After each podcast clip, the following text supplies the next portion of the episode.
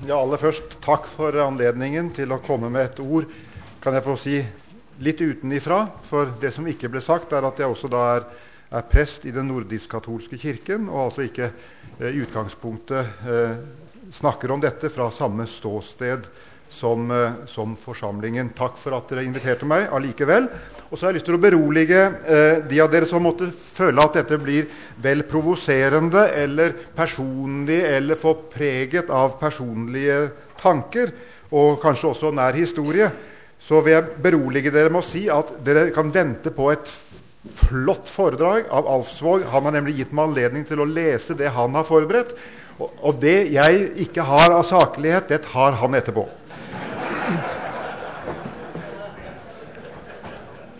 Det er allerede sagt og skrevet mye om denne saken. Noen vil kanskje mene allerede mer enn meget. I hvert fall er det sagt nok. Jeg har derfor ikke så veldig mye å legge til for min egen del. Det jeg har ønsket å si, har jeg allerede gjort. Og akkurat det er kanskje et viktig poeng i saken og en erfaring i det som ble min vei ut av Den norske kirke, og som jeg synes gjentas også i denne runden. Så lenge det er snakk om personlige meninger, verbale ytringer, kan man være både tydelig og klar og modig uten at det endrer så mye. Og jo tydeligere og klarere man er og La meg parentes si at jeg synes at de såkalte konservative i lærenemnda har vært forbilledlig tydelige i selve saksspørsmålet. Men jo tydeligere og klarere man er, jo oftere man uttrykker det muntlig eller skriftlig uten å trekke de nødvendige konsekvenser av det kirkelig sett, jo mindre betydning får ordene, inntil de blir tomme, uten kraft til å overbevise noen. Og ganske særlig når disse klare ytringene står steilt imot andre biskopers like klare og tydelige ord, og spenningen mellom dem blir hengende på mening, meningsplan og ufarliggjort ved språklige finesser som er skreddersydd for å holde sammen det som i utgangspunktet er uforenlig. Nå sies det riktignok, og la oss være, prøve å være så saklige som mulig, at disse to syn ikke er likeverdige, og det kan vi forstå. Og at bare det konservative synet, i hvert fall sier halvparten det, kan danne grunnlag for kirkelige ordninger, vigselsordninger og liturgier. Og Så understrekes det også riktignok at lærernemnda ikke er et forvaltningsorgan, men bare et læreorgan. Og så utsetter man liksom spørsmål om konsekvenser for Kirkens fellesskap til Kirkemøtet i 2007. Da skal altså kampen, om vi skal tro det, om Kirkens enhet stå. Selv om det altså sies beroligende, i hvert fall må det virke beroligende for dem som har en klar agenda i dette, at disse to syn ikke med nødvendighet truer kirkefellesskapet. Og da er det vel ikke så farlig, får vi tro. La oss huske på hva saken står om. Det dreier seg om et viktig lærespørsmål i Kirken. Det er altså ikke et hvilket som helst spørsmål, det er en hvilken som helst sannhet vi snakker om. Men vi snakker om den sannheten som Kirken er satt til å vitne om fra dag til dag i lære og liv, og som har menneskers frelse som mål. Og Denne sannheten er forpliktende for hele Kirken. Den har så å si ikke noe valg. Skal den være kirke, må den ikke bare ytre seg om sannheten, men følge sannheten. Og Derfor har jeg satt som overskrift over mitt eh, smule vitnesbyrd her i dag eh, det som i responsoriet eh, for dagens middagsbønn eh, heter følgende Det er et sitat fra Salmenes bok. Lær meg, Herre, din vei, jeg vil vandre i din sannhet. I Bibelen er sannheten et gjerningsord. Det tales om å gjøre sannheten, lyde sannheten, følge sannheten. Og Da blir det for meg dessverre slik at jo klarere noen ser sannheten og ytrer seg om sannheten, jo verre blir det når det ikke får konsekvenser i forhold til vranglæren. Da bidrar man ikke bare til forvirring, men man bidrar til å legitimere en lærepluralisme som igjen fører til forfall, frafall og oppløsning innenfra av Kirkens enhet på sannhetens grunn. Den eneste måten å samle Kirken på, det er å føre den fra dag til dag med biskopen enten foran eller bak. Og føre den mot den enhet som Herren selv har forpliktet oss på. Og det er å be og handle ut ifra hans egen bønn. Det er ikke for ingenting at bønnen om enhet i Johannes 17 er knyttet også til følgende bønn. Hellige oss i sannheten. Ditt ord er sannhet. Men la meg så bruke resten av tiden jeg har til disposisjon, til å slå et slag. Og kanskje er dette veldig selvopptatt. Eh, nå er jeg kanskje ikke mer selvopptatt enn de aller fleste her. Vi, vi deler vel litt på det, på godt og vondt. Men jeg vil slå et slag faktisk for den første lærenemndsaken, den såkalte Dingstad-saken. Eh, fordi jeg mener faktisk at den historisk sett vil vise seg å være prinsipielt viktigere enn avklaringen i den andre runden, fordi nemlig der ble premissene lagt for det som skulle følge. Premissene for en utvikling fram mot to likeverdige syn på homofili i Den norske kirken. Og I tillegg så impliserer den saken problemstillingene som har med eklesiologien å gjøre, grunnleggende forståelse av hva kirke er, hva det vil si å ha en læreautoritet i Kirken, hva Kirkens enhet er, knyttet opp til biskopens tilsyn og embetsansvar. Derfor mener jeg faktisk at det er grunn til å se litt nærmere på den, for man kommer ikke utenom den i 2007. Hva var det saken sto om? Jo, for meg var bruddet med biskopen primært en pastoral handling i en kirkelig kontekst, knyttet opp mot mitt ordinasjonsløfte og det ansvaret jeg hadde fått for å lære rett og forvalte sakramentene rettelig, for å bruke et uttrykk fra den lutherske bekjennelse om Kirkens enhet. Det var altså ikke et debattinnlegg eller primært et uttrykk for teologisk uenighet eller et ønske om å være ulydig. Eh, eh, jeg mener nok at både prester og biskoper må være kunne være uenige om mange ting uten at det truer Kirkens enhet. Men det dreide seg om meg, for meg å utøve mitt kirkelige embete med den rett og med den autoritet Kirken hadde gitt meg i ordinasjonen. For å sette saken på spissen formulerte jeg det slik overfor min biskop, og hør nøye etter. Dette konfronterte jeg min biskop med ganske tidlig. Jeg sa en og samme lørdag kan jeg sitte og høre et skriftemål i Larvik kirke fra et menneske som nok en gang, i sin årelange kamp for å leve et rent og rett kristenliv, og jeg gir vedkommende det beste Kirken kan gi i et slikt tilfelle, nemlig syndenes forlatelse for Jesu lidelse og døds skyld, med håndspåleggelse og si i Faderens og Sønnens og Den hellige ånds navn. Samtidig kan det skje, sa jeg til biskop Sigurd, at du i Tunsberg domkirke kan legge hendene på to mannfolk som ber om Herrens velsignelse over sitt samkjønnede samliv, og stadfester din handling med nøyaktig de samme ordene i Faderens, Sønnens og Den hellige ånds navn. Da må det være tydelig for alle og enhver, var min påstand, at en av oss, en av oss misbruker Guds navn til vårt eget.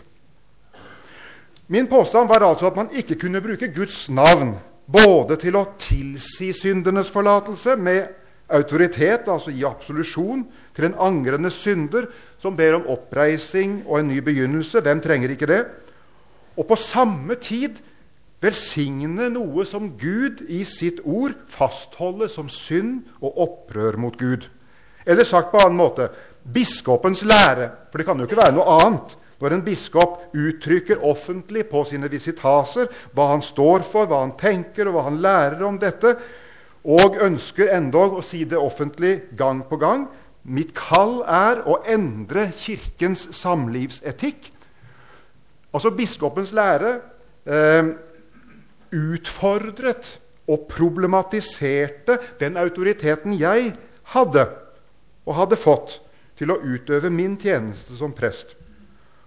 Og for å da få dette prøvet, ikke som en arbeidsrettssak om lønn og andre ytre embetsforhold, det er mindre viktige ting, og regelverk og det hele, men få det prøvet som en læresak som kunne avklare hvem av oss prost eller biskop som utøvde embetsgjerningen med kirkelig autoritet, så brøt jeg altså kommunionen med min biskop.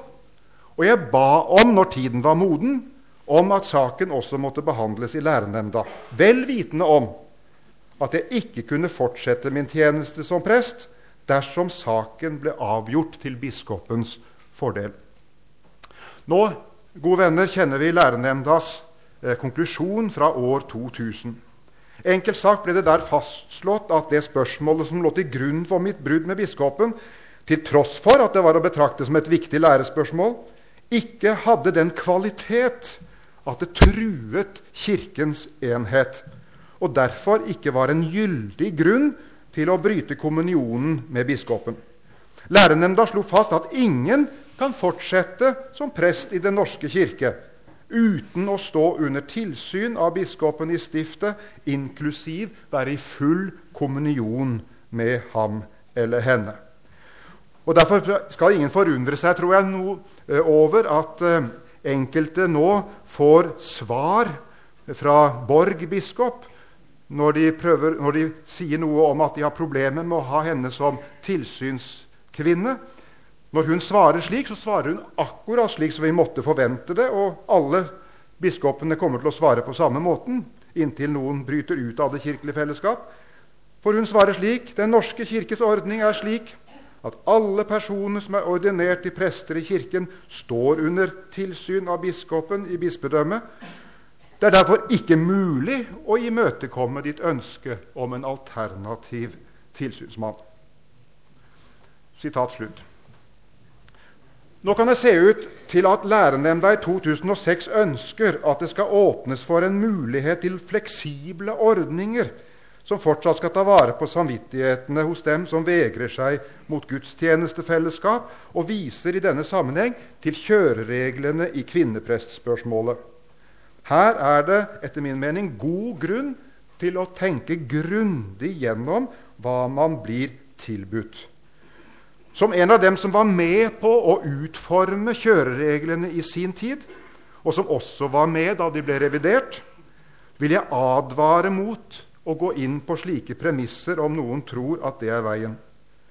For det første fordi slike ordninger bare er overgangsordninger som skal få den nye praksis innført så elastisk og problemfritt som overhodet mulig, inntil det gamle synet blir forbudt eller umulig å praktiseres. Og for det andre, og det er langt alvorligere, det er å rette baker for smed.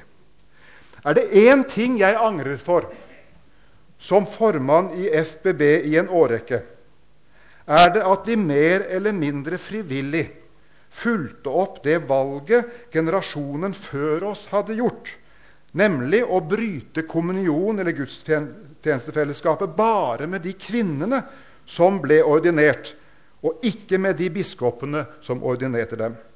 Her mener jeg vi har grunn til å be kvinnene om unnskyldning, om tilgivelse. Våre trossøsken i den engelske kirken valgte i 1991 en helt annen vei, en helt annen strategi, som skulle vise seg å være langt mer fruktbar fordi den forholdt seg til dette spørsmålet eklesiologisk, brøt kommunionen ikke bare med kvinnene, men med de biskoper som innførte brudd med apostolisk tradisjon og embetspraksis. Og nå maner jeg til at vi ikke må gjøre samme feilen om igjen. Og gjøre de homofile hele tiden til syndebukker.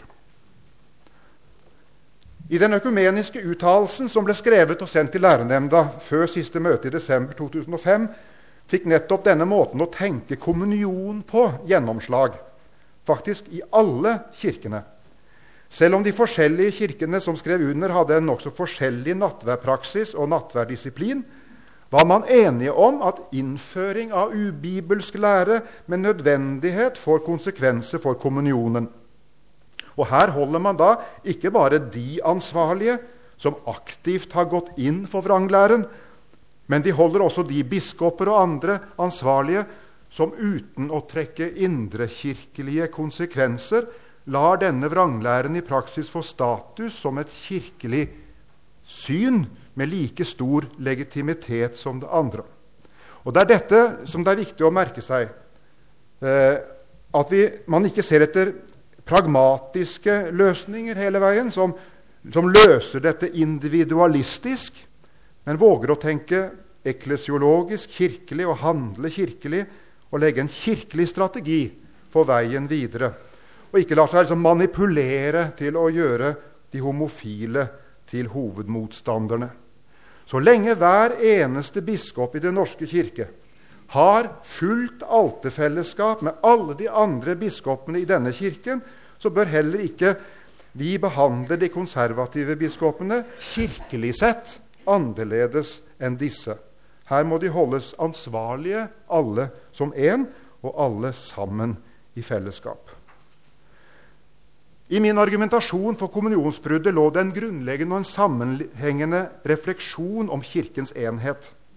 Og Kanskje er det nødvendig å, i denne sammenhengen å presisere at biskopen og bispeembedet i min forståelse har en sentral plass i så måte.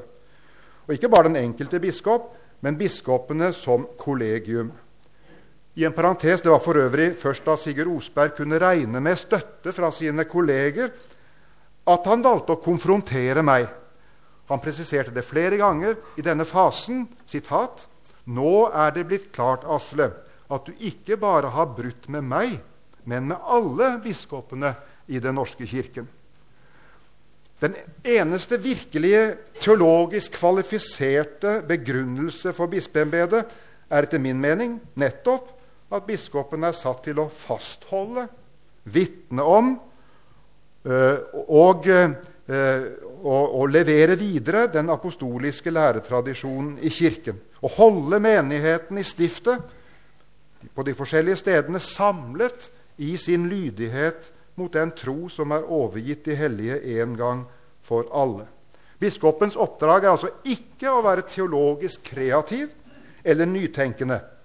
Han er ikke vigslet til å endre Kirkens overleverte tro og trenger ikke noe handlingsrom for det, men han er satt der for å begrunne, bevare og gi videre denne troen uforfalsket til nye generasjoner.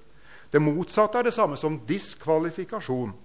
Og jeg mener at En slik forståelse kjære venner, er i overensstemmelse med den lutherske kirkes bekjennelse når den knytter Kirkens embete så sterkt og entydig opp mot forkynnelsen av Guds ord og forvaltningen av de hellige sakramenter. Å lære i strid med apostolisk tro eller å programfeste og ville endre Kirkens apostoliske tro er og blir en skismatisk handling som bryter Kirkens enhet. Tyngdepunktet i min begrunnelse var først og fremst at biskopen lærte i strid med evangeliet. Dette uttrykket finner vi jo da i Augustana. Lære i strid med evangeliet. Og Den eneste adekvate reaksjonsform, teologisk og kirkelig, var for meg å bryte nattværfellesskapet med ham. Som en konsekvens av dette bruddet fulgte med nødvendighet alle disse åndelige tilsyns- og tjenesterelasjonene at det også måtte opphøre. Jeg kan ikke med min beste vilje se at det som skjedde senere og frem til i dag, eh, har forandret noe i denne saken. Den kirkelige problemstillingen står fortsatt like ubesvart og like knivskarp som den gang, kanskje enda skarpere, ut ifra de tydelige ordene som er talt og skrevet om at Guds ord den forplikter, forplikter til Kirken til å følge i lære og liv. Eh, noen mente la meg gå litt raskt, noen mente at jeg handlet for raskt. Og det kan veldig godt hende. Og de ville følges av de, straks biskopen gjorde som han sa han ville gjøre. Jeg syns jo det var en liten fornærmelse. Som om han ikke en gang, når han med en gang fikk anledning til det, ville handle slik som han talte og forkynte. Med andre ord, Så snart det ble etablert kirkelige ordninger som åpnet for kjettersk praksis, da ville de gjøre det samme som jeg hadde gjort, fikk jeg høre, men ikke før. Det kan ligge en tilsvarende tanke bak når man nå ber om å ta det med ro fram til Kirkemøtet i 2007, til det har sagt sitt. Men mitt svar på dette den gang, og jeg kan gjenta det nå, er preget av at jeg er oppdratt som luthersk teolog der vekten ligger på forkynnelsen og ordene som tales på lov og evangelium i Kirkens forkynnelse og undervisning. Sier vi ikke kontant nei til den læren som fremsettes, og som virker som surdeig som brer seg i kirkekroppen, da er det for sent kjære venner, å sette foten ned den dagen ordningene måtte være på plass. I det hele tatt er dette skillet mellom lærespørsmål og kirkelig forvaltning som vi liksom øves opp i å operere med, det er et farlig spill. Veldig farlig spill. Våre motstandere vet naturligvis at det ikke er slik det forholder seg. Det virker ikke slik. Holder noen noe for sant, slipper det løs på Kirkens prekestoler, så skapes det ganske fort holdninger og handlinger også i bedehusland som igjen skaper kirkerettslige ordninger. Og slik må det jo være. Slik må det være. I denne saken har ikke minst tidligere biskop i Oslo Gunnar Stålseth vist at han ikke kjenner seg forpliktet på Kirkemøters vedtak eh, fordi han er forpliktet på en høyere lov, en guddommelig lov. Og da handler man som man sier, på vegne av sitt embete, og venter ikke på lov fra demokratisk kirkelige møter. Av en eller annen grunn har jeg faktisk større forståelse for dette enn jeg sikkert burde ha. La meg så helt til slutt gi ordet til kirkehistorieprofessor Bernt Oftestad. Han var min talsmann i lærernemnda. Det kan være godt å ty til en utenforstående vurdering når en selv er for mye blandet inn med seg og sitt til å se klart. I en kommentar til avgjørelsen den gang skriver han følgende, og nå overlater jeg resten av foredraget til Bernt Oftestad. Når Dingstad på denne måten kobler lære og sakramentalitet sammen, gjør han det kirkelig sett elementære. Men ved det skyter han også en torpedo under den konsensus som bispemøtet under biskop Andreas Aarflot etablerte i homofilisaken. Dens hovedelementer var at man vel var uenige om homofilispørsmålet, men at denne sak ikke var å anse som så avgjørende at den splittet Kirken. Kirken hadde altså et hovedsyn, som var det tradisjonelle, men avvik fra dette kunne godtas. Splittelsen i homofilisaken berørte derfor ikke nattværfellesskapet, verken mellom biskopene eller ellers i Den norske kirke. Innsettelsen av Siri Sunde, som lever i partnerskap, viste at Kirken vel hadde et offisielt syn, men at man kunne godta praktiske unntak i enkelttilfeller. Denne kirkepolitiske løsning avfødte dessuten en del interessante episoder. For det første hadde de enkelte, enkelte av de konservative biskopene vanskeligheter. Ja, de fant det ganske umulig å betegne homofilt samliv som synd. Og En av dem karakteriserte spørsmålet om slik praksis som noe midt imellom. Et midt imellom etisk lærespørsmål og et adiaforon. Man trengte altså en ny og hittil ukjent teologisk kategori for å komme i land. Denne konsensus var på årflåts vis ikke diktert av prinsipielle teologiske motiver, men av pragmatiske kirkepolitiske hensyn. For Aarflot var det sikkert en utålelig tanke at den kirkelige enhet som skulle bære reformbevegelsen videre frem mot en fri folkekirke, nå skulle bryte sammen. Hele hans livsprosjekt syntes å lide et fatalt skipbrudd.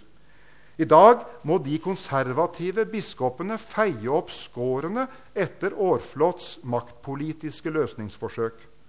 Og hans prosjekt strander etter alt å dømme ved neste brottsjø. For Dingstad har trådt inn i det som må betegnes som dødvinkelen i den kirkepolitisk motiverte enhet, idet han i pakt med vanlig kirkelig tenkning slår fast at sakramentalt fellesskap har lærekonsensus som sin forutsetning. Mange lære, mangler lærekonsensus er den nødvendige betingelse for sakramentalt fellesskap ikke til stede. I dag har bispekollegiet i Den norske kirke sakramentalt fellesskap med hverandre. Men foreligger det lærekonsensus? Den sakramentale praksis tilsier at det gjør det, til tross for offentlig uenighet i homofilisaken. Det betyr at man i sin praksis bestemmer denne konflikt som et adiaforhold. Det Dingstad har gjort, er å bringe homofilispørsmålet ut av den kirkepolitiske maktsfæren og inn i bekjennelsens situasjon. Det kirkepolitiske maktspill kan opprettholdes så lenge man bøyer seg for maktspråk, trusler om utfrysing, marginalisering osv. Det kan bare opprettholdes blant redde mennesker. Så snart det vises litt mot, faller makten sammen. Dingstad brøt ut av denne sfæren ved å legge sitt embete i vektskålen. Han kan bare gjøre det én gang.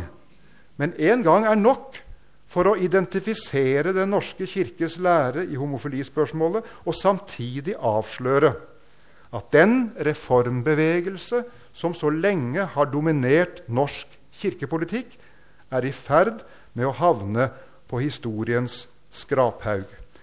Kirkehistoriker Bernt Oftestad, som sikkert også har et personlig engasjement i saken. Takk.